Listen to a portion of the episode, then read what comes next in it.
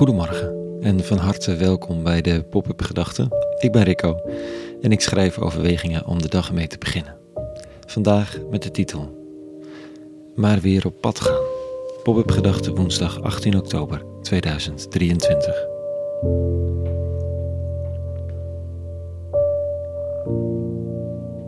Het is nog donker buiten en behoorlijk ook. Zomertijd is het nog even, dus de ochtenden zijn duister. En zo is het op plekken in de wereld, op plekken in mijn ziel. Tegelijk brandt er licht, warm licht, een beetje snorrende verwarming, want het wordt kouder buiten.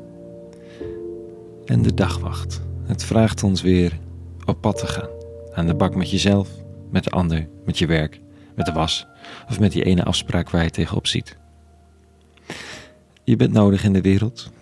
Er zijn mensen nodig die de moed verzamelen om weer een dag zich te laten inzetten voor iets van vrede en gerechtigheid. En dat zijn hele grote woorden, maar vrede in huis en vrede bij de koffietafel zijn ook gewoon echte vredes.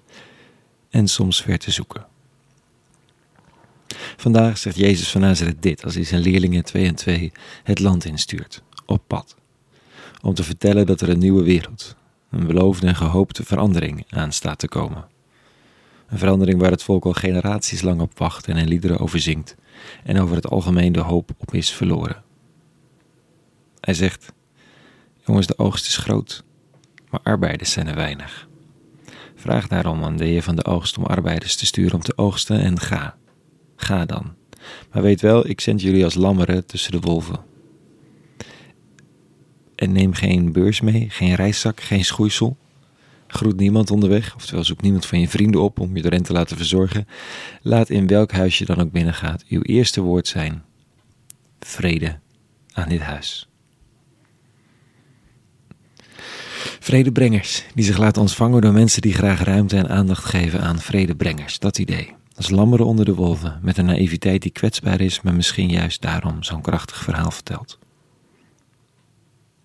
Dat brengt me in herinnering wat Thomas Merton, de grote mysticus en vriend van activisten, schreef aan een jonge, uitgeputte activist. Hij schrijft: Laat je werk niet afhankelijk worden van de hoop op resultaten. Wanneer je het soort werk doet dat je op je hebt genomen, in wezen apostolisch werk, moet je misschien onder ogen zien dat je werk ogenschijnlijk waardeloos zal zijn en zelfs helemaal geen resultaat zal opleveren, of misschien zelfs resultaten die tegengesteld zijn aan wat je verwacht. Naarmate je aan dit idee wendt, ga je je steeds meer concentreren niet op de resultaten, maar op de waarde, de juistheid, de waarheid van het werk zelf.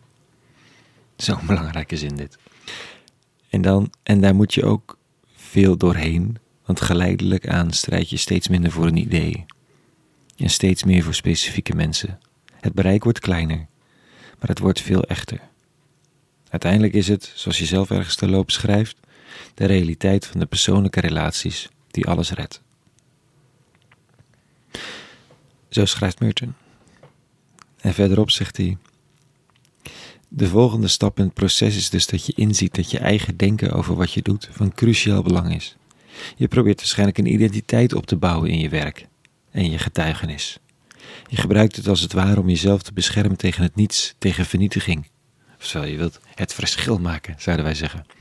Dat is niet het juiste gebruik van je werk. Al het goede dat je zult doen zal niet van jou komen, maar van het feit dat je je in vertrouwen hebt laten gebruiken door Gods liefde. Denk hier meer over na en geleidelijk zul je vrij zijn van de behoefte om jezelf te bewijzen. En kun je meer openstaan voor de kracht die door je heen werkt, zonder dat je het weet. Ja, dit zijn zinnen voor mij om te lezen en te herlezen. En misschien ook voor jou, als je vandaag weer op pad gaat, met wat je ook te doen staat. Dus tot zover even. Morgen als het goed is weer een nieuwe pop-up gedachte. En voor nu, vrede gewenst.